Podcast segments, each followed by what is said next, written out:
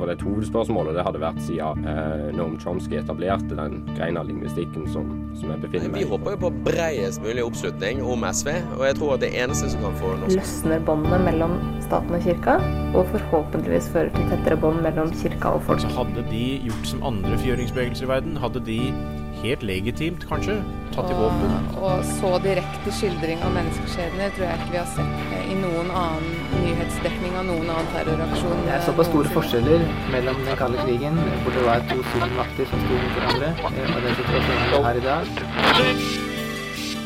Du hører på samfunns- og aktualitetsmagasinet Opplysningen 99,3 på Radio Nova. Opplysningen 99,3 på Radio Nova. Går det egentlig an å bli avhengig av kaffe? Og tar vi skade av drikken? Ny rapport om naturens tilstand får FN til å slå alarm. Innholdet i rapporten får du høre mer om i ukens opplysning. Middelalderparken har ved flere anledninger blitt brukt til å drive hærverk og bålbrenning. Mer om dette straks. Feriestasjon har en innvirkning på den enkelte nordmanns selvfølelse og identitet. De sliter, og de har ikke råd til å betale eh, markedspriser for, for, gassen. Akkurat nå hører du på Radio Novas samfunns- og aktualitetsmagasin, Opplysningen 99,3.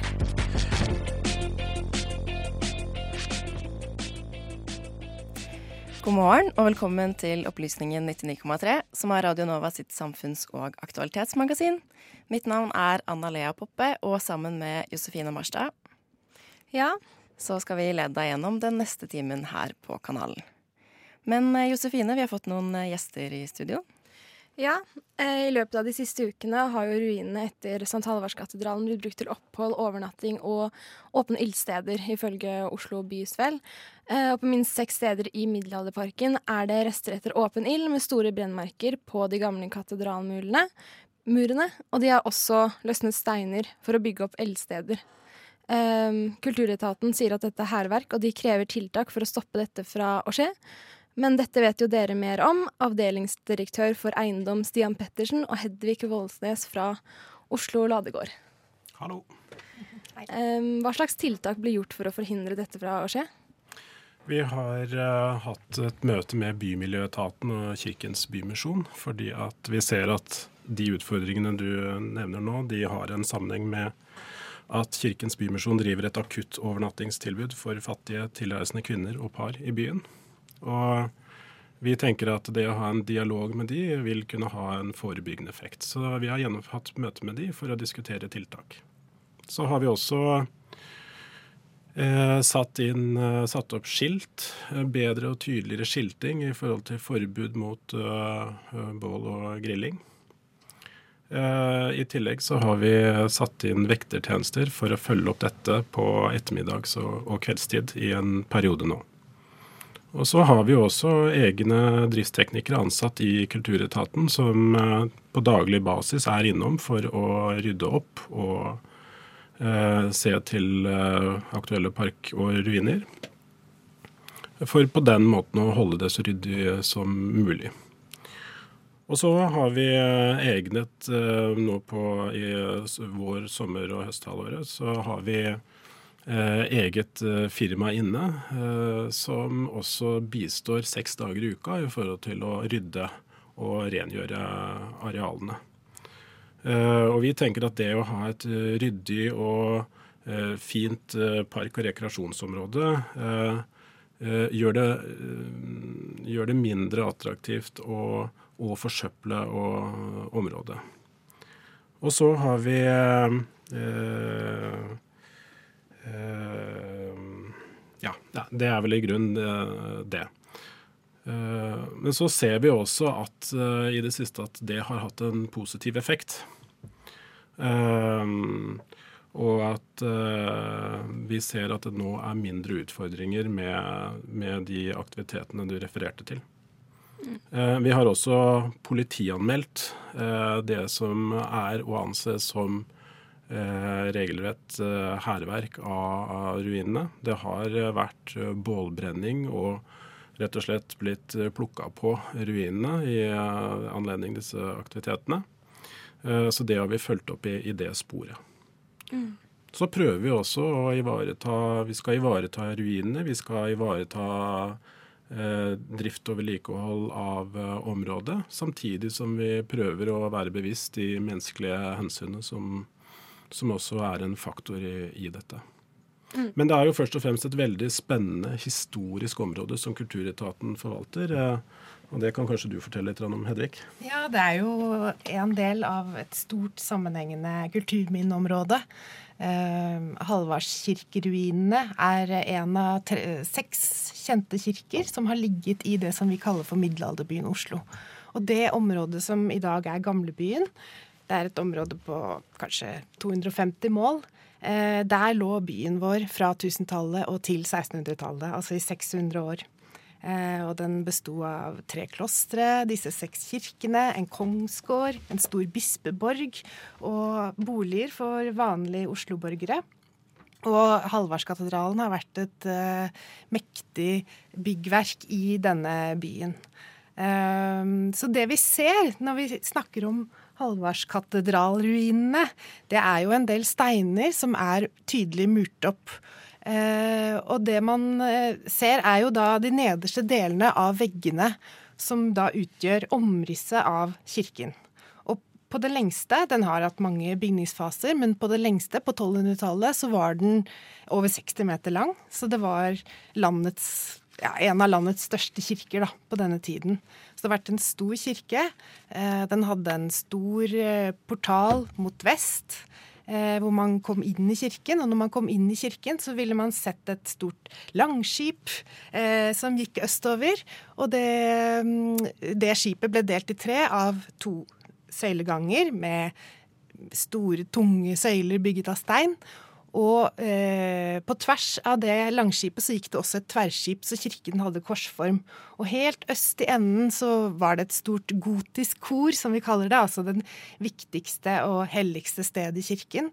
Eh, og der var det et høyalter, og på det høyalteret sto det et sølvskrin. Og i det sølvskrinet så lå levningene til en mann som het Halvard Vebjørnson. Og han var eh, en helgen i middelalderen. Man trodde jo på helgener i katolsk tid. Eh, og han er en norsk helgen. Og han er en nær slektning av Olav den hellige, som kanskje er en mer kjent helgen. Men Sankt Halvard er jo vår helgen her i Oslo-området, eh, og vi ser han fortsatt i byvåpenet vårt. Eh, og han er tydelig og synlig på skilt og på forskjellige tegn. Mange kjenner han igjen fra kumlokken i byen, hvor man ser bilde av en mann som holder en rund stein i den ene hånden og tre piler i den andre hånden, og det er Sankt Halvard. Da kjenner man igjen vår helgen når man ser dette, denne mannen med disse tegnene. Og det er vår skytshelgen fortsatt i dag. Og eh, denne kirken ble da bygget til han for å huse hans levninger. Så både pilegrimer og eh, ja, vanlige folk kunne komme og be ved eh, sølvskrinet til Halvard. Så det har vært et veldig viktig sted, et sentralt sted eh, og et viktig sted for Oslos historie. Hva er det du syns om det som har, det som har skjedd der nå? Det er kjempefint med de tiltakene som er gjort nå. For det er veldig bra at parkene brukes. Eh, Gamlebyen består av flere parker, og etter hvert så vil disse få mer sammenheng når man eh, skal gjennomføre en landskapsplan for området. Eh, og det er flott at det brukes, og det, det, er veldig ønskelig at folk bruker parkene. Men det er jo selvfølgelig helt nødvendig at man eh, følger kulturminneloven som vi har i Norge. Dette er automatisk fredede kulturminner, og de skal ha høy beskyttelse. Så det er veldig bra at det gjennomføres. Det som er, er at eh, det er dumt sånn eh, visuelt sett for oss at det blir skade på ruinene, for det ødelegger jo den konturen vi kan ane av kirken, av størrelsen eh, og hvordan den har sett ut.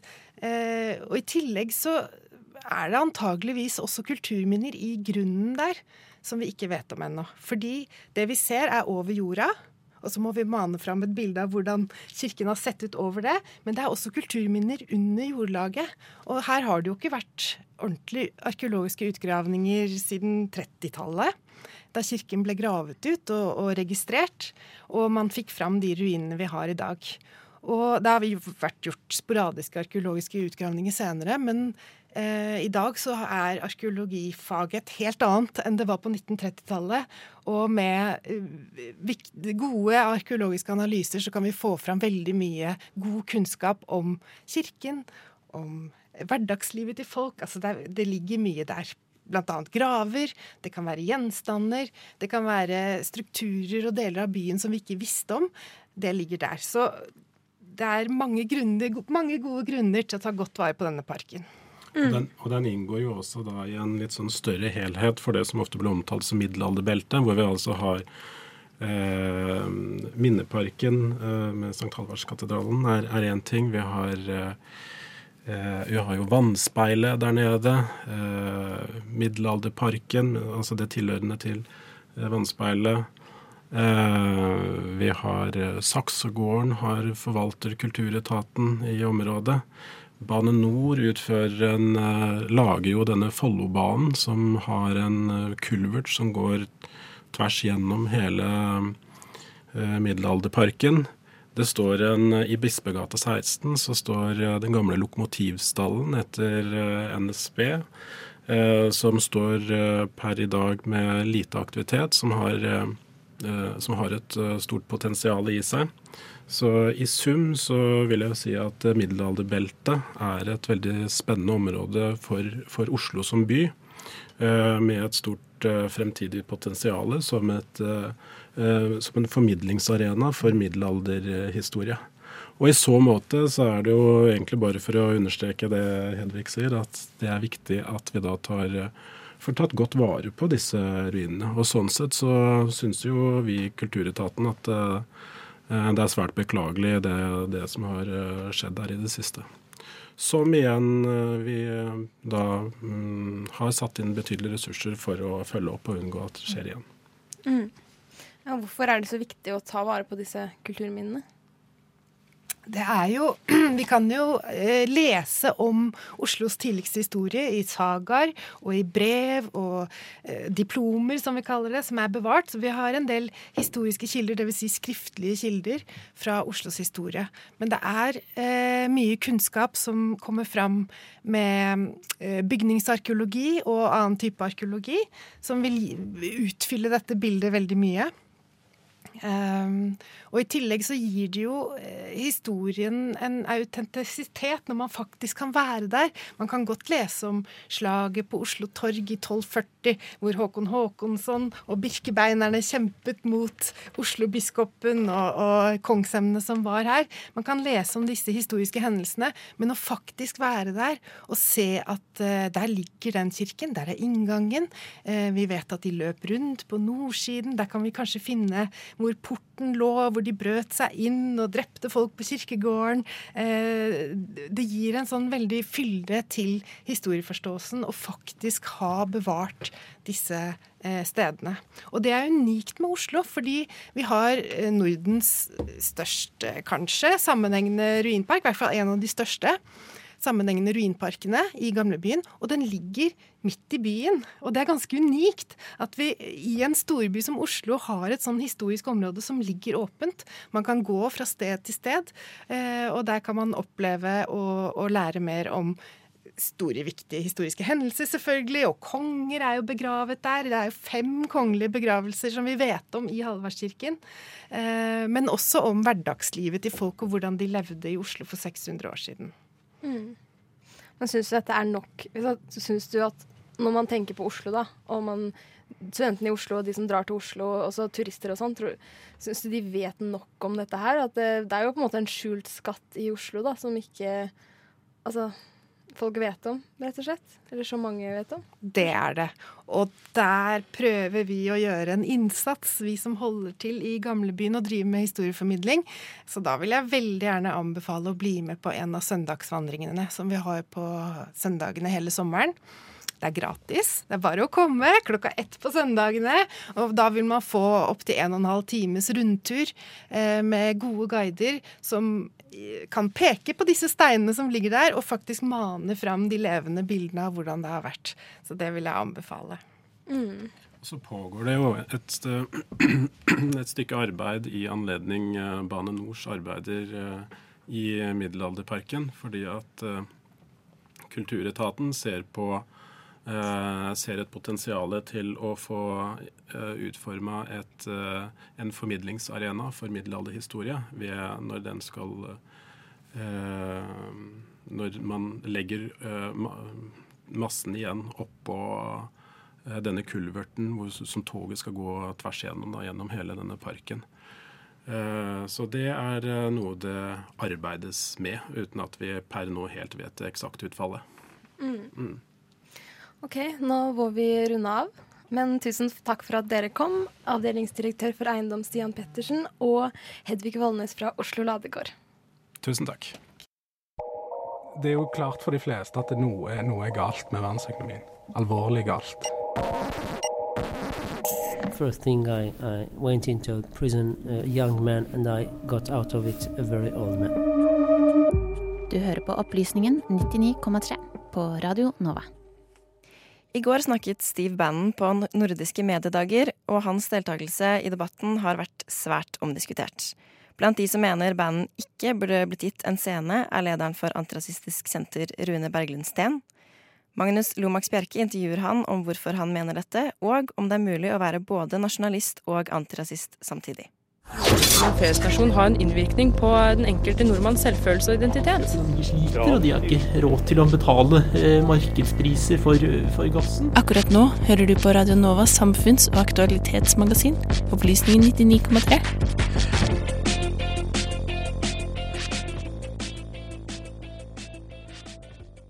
Vi tar opp eh, 9. mai, og det er nordiske mediedager er? I, eh, i disse dager, har jeg hørt det eh, rykter om. Eh, Oppe i, oppe i Bergen. Så jeg tror i dag faktisk så er det om, én time så skal Steve Bannon holde, holde et foredrag på nordiske mediedager. For de som ikke vet så mye om hvem han er og hva han skal snakke om, så kan jeg lese det som står på nettsida. Steve Bannon omtales som en av de mest innflytelsesrike personene i vår tid, og har vært med på å endre det politiske landskapet i USA. Han utviklet det høyrepopulistiske Breitbart News fra å være et ukjent eh, nisjenettsted til å utfordre de store etablerte mediene. Han var ideologen og valgkampstrategen som fikk Donald Trump valgt, noe verken opposisjonen eller mediene anså sannsynlig, og ble rådgiveren som forfektet nasjonalistisk populisme fra Det hvite hus. Populismen er fremtiden, mener Bannon, som også er grunnleggeren av det amerikanske organisasjonen Citizens of the American Republic. Nå jobber han for å fremme Europas høyrepopulistiske partier gjennom den Brussel-baserte organisasjonen The Movement. Hva er formålet til Stephen Bannon? Hva ønsker han å oppnå i Europa? Hva tror han om valgkampen i USA 2020, og hvordan ser han på medienes rolle i alt dette? Og flere spørsmål skal de eh, også stille ham. Og du har i det siste vært en litt sånn eh, online-kamp med Kjetil eh, Blant annet Kjetil Rollnes, vidt jeg har forstått, eh, som du nevnte litt eh, tidligere. Eh, Så da er det bare å starte egentlig med å spørre hva, hva ser du på som det beste argumentet for at man burde snakke med en person som Bannon? Jeg vet at det ikke er jeg vet at, men- ja, men. Det første argumentet for å snakke med en person som det, er jo å forsøke å avsløre vedkommende, stille vedkommende til veggs. Faktisk konfrontere. Og det fins jo format som gjør det. ikke sant? Hardtalk, Det er en stund siden jeg har sett hardtalk, men hardtalk fungerer. Men da er du sabla avhengig av en journalist som virkelig er på plass på det. altså. Fordi de forsøkene jeg har sett på hardtalks med Steve Band, har jo fungert dårlig. ikke sant? Eh, jeg så jo The Economist hadde ham jo på scenen. Det var liksom en greie i fjor var eh, The New York inviterte ham, droppet ham etter press. The Economist satte ham på scenen. Og sjefsredaktøren deres, eh, britisk intellektuell i beste stil, prøvde å sette ham på plass. Hun var mer en motdebattant enn en ordstyrer. Han kom jo best ut av det. Ikke at han lærte noe nytt, men han var nesten sjarmerende. og alt. Så liksom, og da Da ender vi opp liksom et feil sted for meg. Da ender vi opp med at man har lagd en reklamefilm i praksis for en høyreradikal demagog. Men det, Eh, det de skal spørre han om, er jo mer eh, relatert til eh, media og, og strategiene han brukte, og noe som mange kanskje ser på som interessant. Da. Om, om man er fundamentalt uenig med han, så kan man jo si at det er fortsatt interessant å høre hva han har å si om disse tingene. For det er jo krefter som vi trenger å, å deale med. Mm. Jeg tror ikke at det er da en, en, en god grunn til å ha ham der og, og lytte til hva han har å si. Og man kan da kanskje lære mer enn om man ikke hadde ham der. Det tror jeg ikke. Fordi jeg tror bandet har gjort så mange intervjuer med så mange mennesker. Det skal mye til for å overraske ham. Og det er ikke sånn at han kommer til å sitte der og liksom røpe sine hemmeligheter. Han sier det som er strategisk lurt for ham å si, ut fra det formålet han har. Han kommer ikke til å avsløre en eneste skit som ikke, som ikke han på en måte ønsker skal være avslørt. Så, Den argumentasjonen kan man egentlig bruke Den argumentasjonen kunne man brukt overfor Goebbels på 30-tallet. Det man trenger å lære om banden, det, den kan man lære av, av, å studere et av de utallige intervjuene som fins, eller hva han faktisk har gjort. Ikke den antagelig delvis forfalskede fremstillingen han kommer til å gi, i dag. Eh, så, men altså, jeg, jeg skjønner journalisters grunnleggende sånn impuls med at man skal kunne snakke med alle, men det er likevel forskjell på hvem man snakker med og intervjuer på en vanlig måte, hvem man setter på en scene. Det er, det er jo det er mulig at ikke alle forstår den distinksjonen der, hvorfor noen av oss øh, oppfatter den som litt sånn sentral, da, men, men det er klart at jeg, jeg mener ikke at man ikke skal intervjue Steve Bannon noen gang. Jeg mener ikke at man i en situasjon hvor ytre høyre er eh, dels i framvekst i, i deler av Europa og også USA, så er det klart at det er medias rolle å grave i det og dekke det, analysere det. Og Da må man også snakke også med nynazister. Men det er likevel noe litt annet, og de fleste tror jeg forstår den litt sånn instinktivt med å sette en aktør som det på en scene. Og De fleste av oss vil skjønne at det er noen ikke ville gjort det med. og Da blir det mer spørsmål om grensen. Ville vi satt Hitler på en scene? Ville vi satt Mussolini på en scene? Ville vi satt Goebbels på en scene? Kanskje før vi skjønte helt hvem de var. Eh, men det er, ville vi satt nynazister på en scene? Der ville veldig mange medier kvite seg. Så, så, det blir mer en sånn, Når det kommer til stykket, så tror jeg egentlig ganske mange skjønner hvorfor vi, hvorfor vi har innvendinger. Det er mer hvor man trekker grensa, og hvorfor trekker vi den ved banden. ikke sant? Eh, mange medier ville trukket ved en nynazist. De ville ikke ha satt en nynazist på scenen, antagelig. Men, men de ville sette banden. Og for meg så blir det litt sånn fordi For meg er banden farligere enn de fleste nynazister er per i dag. ikke sant? Han er mer fordekt. Uh, ingen vet egentlig hva agendaen hans er. for jeg tror helt at han ikke sier så mye om det. Uh, du ser det mest av hvem han samarbeider med. Og de han begynte ville samarbeide med, var ting som British National Party. Og da snakker du fascister. Så skjønte han at det var kanskje ikke det mest opportune du kunne gjøre, så da fant han noen som var litt mer stuerene. Men det er der han egentlig ligger. For han var BNP, liksom British National Party, var greia hans. Det var det han Og English Defence League, som altså er dels sånn gatehooligans. Det var der han trodde framtiden lå, fram til han så at framtiden kunne ligge bedre steder. Men han kommer ikke til å sitte der i dag som den som støtta BNP-LDL. Han kommer til å sitte der som den som støtter Trump og Salvini og Orban, som er langt skumlere enn de noen gang var. Men han kommer til å være ganske fordekt, tror jeg. Han kommer til å være retorisk sterk og, og, og spille spillet sitt. Og så får vi se om man, man klarer å avsløre ham på det, men, men de fleste tilfeller så blir sånne samtaler ganske hyggelige og ganske lite avslørende. Jeg har lyttet litt til det banden har å si, og det, det meste jeg da kan om han, kommer, kommer fra en, eh, si, en, lang tale han holdt for Oxford Union man, i fjor, som man kan finne på, på YouTube.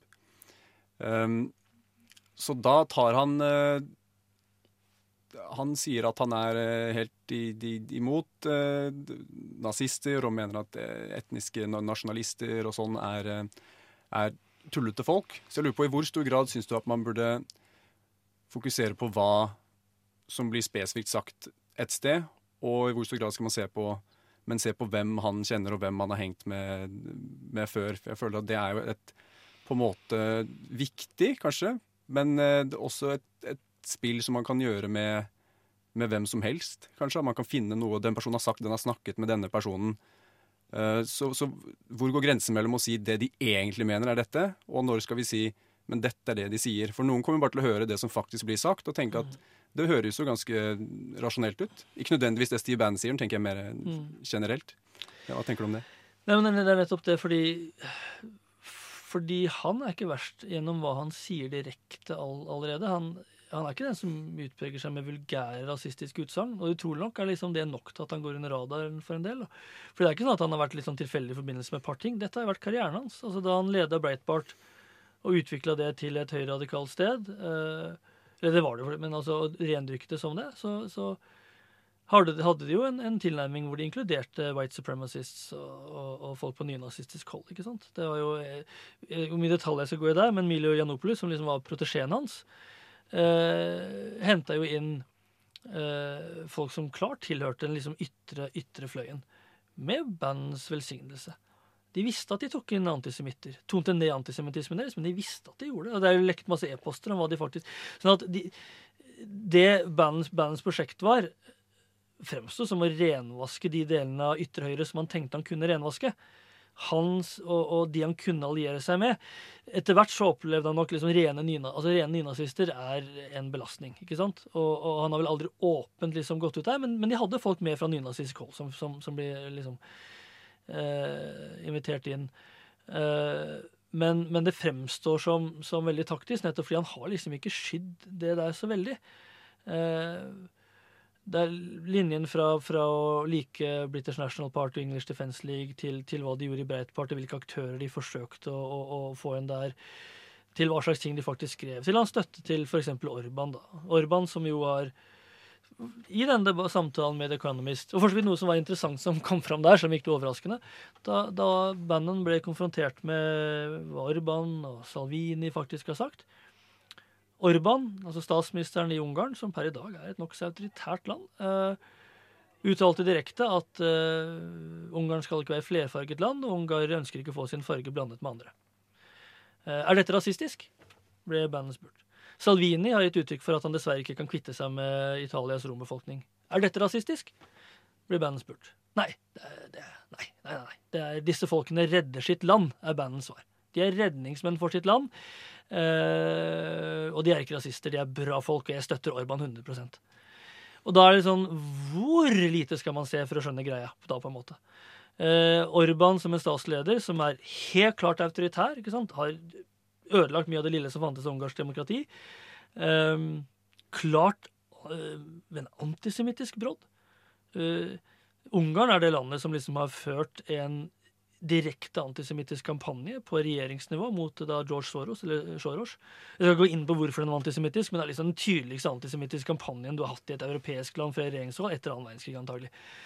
Og, og, og, den fant du ekko av hos Breitbart. Du noen, fant noen samme retorikken mot uh, Soros som den der jødiske edderkoppen. De sier det ikke på den måten, men, men, det er på en måte sånn han blir betrakta på ytre høyre. Du finner masse anti-Soros-demagogi blant nazister og blant ytre høyre generelt. Du fant det hos Orban, og du finner det hos Breitbart. Og det at han på en måte, når han setter seg ned, snakker penere, uh, det blir liksom det blir litt for enkelt, for han har skjønt at han skal snakke penere. Og, han har skjønt at han ikke skal si ting direkte. Men det er likevel, det, dette er det han fremmer. Det er den typen autoritær statsleder han er fan av. Uh, og Orban er demokratiets undergang. Ja, jeg tenkte da å uh, ta et skritt tilbake fra, fra banden, så får folk uh, finne ut selv hva, hva de syns om, eh, om, ham, og hvem han eh, menger seg med, og hva eventuelt hans plan er. Men heller fokusere mer konkret på det jeg ser på som de tingene han eh, angivelig står for når han får muligheten til å stå på en, en, en dannet scene. Da. Om det er noe om, om, du ser noen problemer i de ideene i og for seg, når de ikke er knyttet til Steve Bannon. Så han er jo for populisme måte snakke om at det er eh, makt til, til, folket, på en måte. At man ikke skal eh, eh gi for mye makt til Han kritiserer veldig mye de store de, korporasjonene på Wall Street og politikere som eh, holder på med dem. Um, og så er han økonomisk nasjonalist.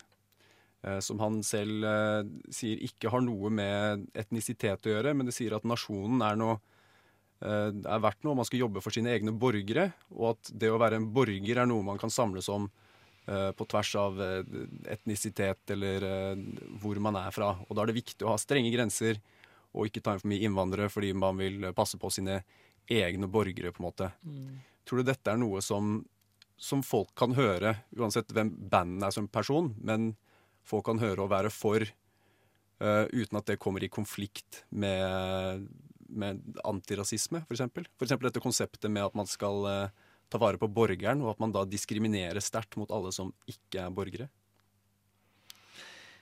Jeg, jeg tror nok jeg ville vondt for å altså, det første er det vanskelig synes jeg, å, å bare abstrahere synspunktene hans, fordi jeg oppfatter hvordan han fremstiller synspunktene sine som strategisk. Han sier de tingene han vet han kan si, og som er trygt for ham å si. Men det er jo ikke bare hans synspunkter, da, hvis man tenker at det er, det er mange som tenker sånn. Og da av og til, ja, når de hører at banden sier det, så syns de at det, det, er fint, selv om de kanskje ikke er enig i andre ting han gjør. Men der ligger demagogeriet. fordi altså klart at mange vil jo tenke selvsagt vi skal ha en kontrollert asylpolitikk, vi skal ha en begrenset innvandring, noe men begrenset, eller vi skal ha strengere. Altså, dette kan høres ut som at det ligger ganske tett på det. Men er det bare det Banen vil, så han ikke, vil han ikke egentlig noe mer enn liksom hva Arbeiderpartiet vil med asylpolitikken sin. Det er der demagogeriet ligger. fordi det er ikke bare det du mener hvis du henger med Orban og Salvini, eller hvis du prøver å undergrave pavens autoritet, som er noe av det han har gjort i det siste, liksom. Eh, og, og, og, og, du driver og utvikler nettstedet du var sjef for, til et, en hangout for alt som kan stå og gå liksom som du sånn noenlunde kan renvaske på høyre fløy.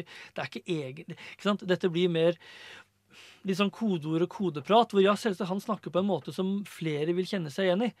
Men, men, men demagogeri ligger jo nettopp i at, at, noen da sitter igjen med et inntrykk av at han mener omtrent det samme som meg, mens han i realiteten antagelig vil gå ganske mye lenger enn det de fleste, eh, fleste som ønsker en kontrollert asylpolitikk, f.eks., eh, vil ønske seg.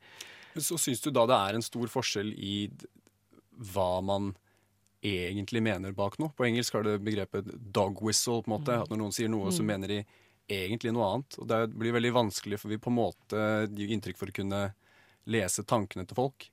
Og man kan jo se for seg en situasjon der hvor eh, person A og B står for samme politikk, men den mm. ene gjør det fordi den har lyst til å ta vare på minoriteter, mens den andre gjør det fordi han tror at det kommer til å skade minoriteter. Men det er på en måte samme utfall. Så hvorvidt skal vi fokusere på de konkrete utfallene og det vi kan måle? Og hvorvidt skal vi snakke om hva som ligger bak, eller intensjonen eh, er dette her? Komplisert. Nå vet ikke om vi fortsatt snakker i forhold til banden, for klart i forhold til banden så tror jeg ikke på at intensjonen er det han får ja, nei, Så jeg prøvde å komme litt unna, ja, unna eh, banden. Jeg synes Det er vanskelig å svare på det når, når det blir såpass abstrakt. Det måtte nesten vært et, et konkret eksempel. I all hovedsak, i all hovedsak er konsekvenser det viktigste. Og konsekvenser er, er i praksis viktigere enn intensjon. Eh, men, men, det blir likevel Hvilke konkrete eksempler jeg prøver på her, er eh, på en måte nasjonalisme, da, som mm. ofte blir brukt som eh, litt sånn skittent ord i dag. Um, mm. Eh, men da folk som har lyst til f.eks. Eh, brexit, hvor folk har lyst til å forlate europeisk union man vil ha, Mange argumenterer for det fordi vi vil ta tilbake kontroll, suverenitet. Vi vil være et eget land med fokus på vår nasjon. Vi vil ha kontroll over egne lover. på en måte. Um, og at man kan da si at de er nasjonalister på et vis. da. Og hvorvidt det er en konflikt mellom det og, og, um, um, og antirasisme, da, for å ta det tilbake til starten. Men nei, men det, altså, nei, Man skal ikke stemple alle som stemte for brexit som nasjonalister. eller noe sånt nå. Ikke sant? Det finnes, selv om jeg syns brexit var uheldig, så finnes det jo legitime grunner til å altså det, det, så, så, du kan helt sikkert være en antirasist og likevel være for brexit. Uh, kan man være antirasist og nasjonalist samtidig? Det kommer veldig an på igjen hva du legger i, i antirasisme. Du kan selvsagt være en Nasjonalist blir igjen et av de der begrepene som kan bety så mye. Men klart at du kan ønske å ha et, et, et land med nokså kontrollerte, altså kontrollerte grenser, begrenset innvandring, og likevel være antirasist i det rent daglige og ikke diskriminere mennesker og behandle folk. Så den typen antirasist kan man være, selv om man, man på en måte eh, dyrker liksom en sånn moderat form for isolasjonisme. da i praksis så er jeg vel litt mer tvilende til hvor ofte det vil være sånn. Hvis du er mer sånn hardbarka nasjonalist, så, så har jeg vel vondt for, for, for, å tro helt på det. Men, men, øh, øh, men mennesker er komplekse. Og jeg tror jeg kommer til å gjenta meg selv hvis jeg, hvis jeg kommer med flere setninger nå. Ja. men eh, takk skal du ha.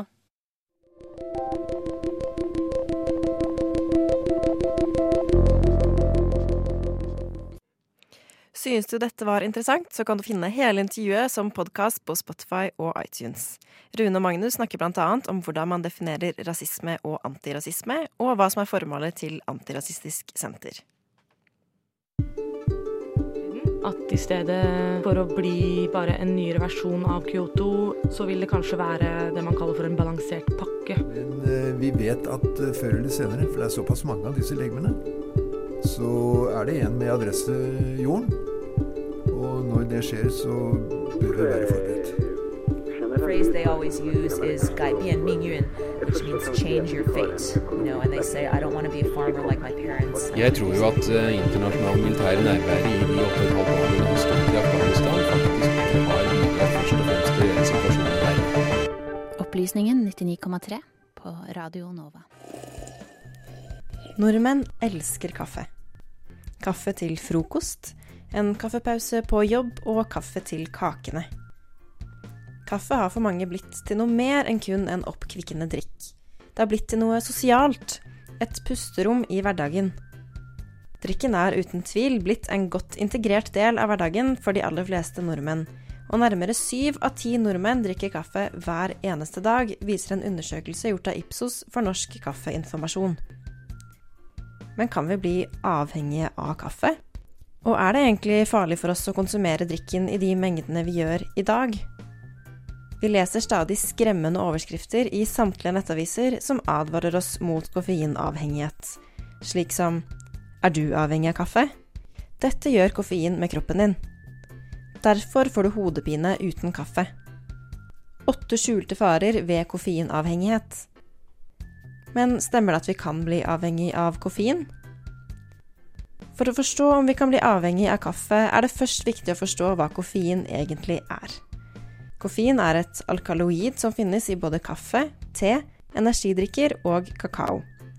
Koffein har en sentralstimulerende effekt, dvs. Si at kaffen stimulerer sentralnervesystemet, og da føler vi oss mer våken, konsentrert og får en bedre reaksjonsevne.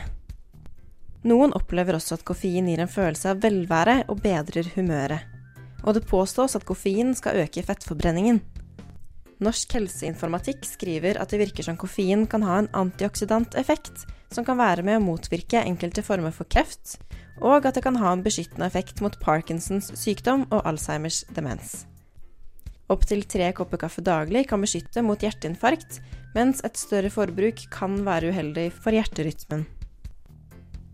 Koffein har en rekke gode egenskaper, men stoffet kan også medføre en rekke bivirkninger, slik som skjelvinger, uro, søvnløshet og at man oftere må på do. Dersom man får i seg et svært høyt inntak av koffein, kan man også oppleve kvalme, magesmerter, nedsatt konsentrasjon, uregelmessig puls og en rekke andre bivirkninger. Det er riktignok sjeldent at noen får i seg så store mengder koffein. Selv om koffein fyller mange av kriteriene for å være et avhengighetsskapende stoff, anser man ikke forbruket som et helsemessig eller samfunnsmessig problem. Derfor defineres ikke koffein som et avhengighetsskapende middel. Dersom man drikker kaffe flere dager på rad, vil man likevel merke at man får en såkalt toleranseutvikling for middelet etter kort tid. Det vil si at kroppen blir mer vant til stoffet, og at kroppen trenger større mengde koffein for å oppnå samme effekt som man fikk i starten. Dersom du har drukket koffein regelmessig i lengre tid, f.eks. gjennom å drikke kaffe, og så kutter dette forbruket brått, vil det oppstå såkalt abstinenssymptomer.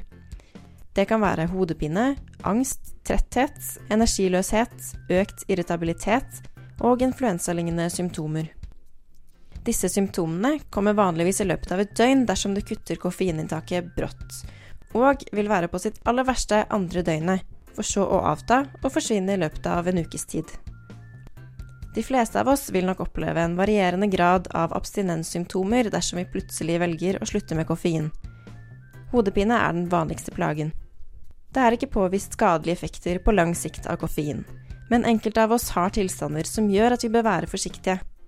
Inntak av svært høye doser vil, i likhet med mye annet, være uheldig. Dødelig dose koffein er ca. 8-10 gram per dag.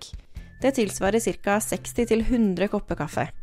Heldigvis er det svært uvanlig å drikke så mye kaffe i løpet av en dag, så de fleste av oss kan nok drikke kaffen uten bekymring.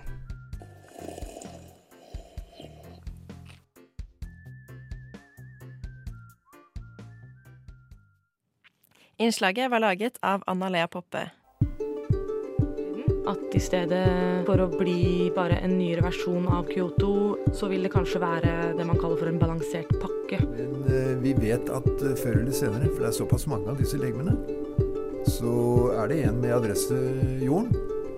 Og når det skjer, så bør vi være forberedt.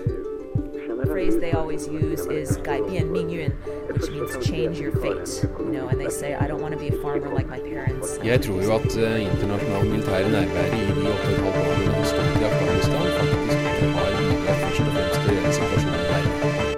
Opplysningen 99,3 på Radio Nova.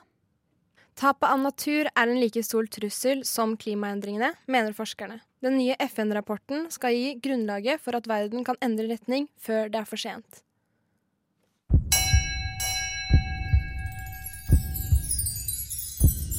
Ukas opplysning.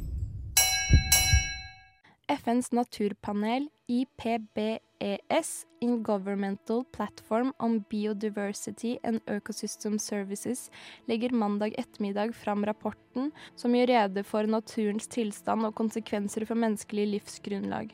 145 eksperter fra 50 land har skrevet rapporten. Den beskriver relasjonen mellom menneskelig aktivitet, økonomisk utvikling og naturen gjennom de siste 50 årene, og representerer også en rekke scenarioer for de kommende tiårene. Rapporten viser at vi går en mørk fremtid i møte dersom vi ikke gjør store endringer i hvordan vi bruker naturressursene. Og tapet av naturmangfold akselererer, flere arter blir truet av utryttelse nå enn noen gang før i menneskelig historie. Trendene vi ser nå gjør det nærmest umulig å nå 35 av 44 bærekraftsmål fra FN, og det dreier seg om bl.a. å bekjempe fattigdom, sult og sykdom. Forskere mener at tapet av naturmangfold er like stor trussel mot verden som klimaendringene, og de håper at Naturpanelets rapport vil ha samme virkning på verdens politikere som FNs klimapanels rapport har hatt. I tillegg er rundt 1 million og 8 millioner dyre- og plantearter truet. Mange av dem risikerer å bli utryddet de nærmeste tiårene. Menneskelig aktivitet har medført omfattende endringer i tre fjerdedeler av miljøet på land og 66% av marine miljøer. Nesten en tredjedel av alle korallrev og minst en tredjedel av alle pattedyr som lever i havet, er truet og av de estimerte 5,9 millioner artene som lever på land i dag, er mer enn 500 000 av dem i risiko for å bli utrydningstruet som følge av at levestedene deres forsvinner. Det er først og fremst i de tropiske delene av verden at tapet av økosystem er størst. Eksempel gikk 100 millioner hektar tropisk skog tapt mellom 1980 og 2000. Blant de menneskelige aktivitetene som blir trukket frem som spesielt skadelig, er det endringer i areal og sjøbruk, menneskelig rovdrift på dyre- og plantearter som skogdrift, landbruk, jakt og fiske, klimaendringer, forurensning, spredning av innvandrende og fremmede arter. Men rapporten viser at det ikke er for sent å gjøre en endring. Rapporten trekker fram flere tiltak som er avgjørende for å snu trenden. De virkelige kostnadene av produksjon og forbruk, f.eks. For straff for å forurense, bør bygges inn i lovverk og forskrifter. Vi vil fjerne skadelige subsidier, minimere materieutvinning og avfall og styrke sertifisering som sikrer etisk og bærekraftig produksjon. Kobling mellom et godt, meningsfullt liv og stadig økende materielt forbruk må brytes, og rettighetene, kunnskapen og verdien til urfolk og lokalsamfunn må anerkjennes. Alle artene på jorden er avhengige av hverandre. Hvis vi mister én art, kan hele næringskjeden bli ødelagt, og hver art som forsvinner, svekker sammenhengene i naturen som vi alle nyter fordeler av. Også mennesker er truet når naturen er truet. Mer enn to milliarder mennesker er avhengige av ved for å lage energi, mens fire milliarder er avhengige av naturmedisiner. Og uten pollinerende insekter er tre fjerdedeler av maten vår truet. Tap av biomangfold er også et moralsk problem som påvirker flere av FNs bærekraftsmål og de internasjonale målene for naturmangfold. Når det gjelder forurensning, blir bl.a. omkring 400 millioner tonn industriavfall dumpet i havet hvert år, og plastforurensning er mer enn tidoblet siden 1980. Den økende befolkningsveksten blir også trukket frem som en utfordring, fordi siden 1970 har befolkningsveksten mer enn fordoblet seg, fra 3,7 milliarder til 7,6 milliarder og denne befolkningsveksten krever mye mer naturlige ressurser, og vi anslår å vokse i befolkning til 9,7 milliarder innen 2050. Årlig bruker vi nå nesten dobbelt så mye av jordas ressurser som i 1980, og hver av oss forbruker 15% mer materielle goder nå enn før. Lars Haltbrekken sier alarmklokken må ringe i regjeringen. Den nye FN-rapporten viser at vi er i ferd med å ødelegge vårt eget livsgrunnlag. Naturvernforbundet mener rapporten er oppsiktsvekkende. De forventer at Erna Solberg følger dette opp. Leder i Naturvernforbundet sier Rapporten fra FNs naturpanel viser en dramatisk ødeleggelse av natur og økosystem. Det er ingen tvil om at årsaken er at stadig flere naturområder endres og ødelegges. Dette truer også vårt eget livsgrunnlag. Dette sier Silje Ask Lundberg. Naturvernforbundet etterlyser også at regjeringen skal komme på banen. Lederen for Greenpeace Norge, Frode Pleim, har også noen kommentarer. Han sier neste år skal verden bli enige om en ny avtale for å ta vare på livet til jorden etter 2020. At nesten ingen av 2020-målene er nådd, viser at nye ambisiøse mål blir meningsløse uten politisk handling. Det er sikkert skummelt for dem med makt til å handle, men denne rapporten viser at det er skumlere å la være.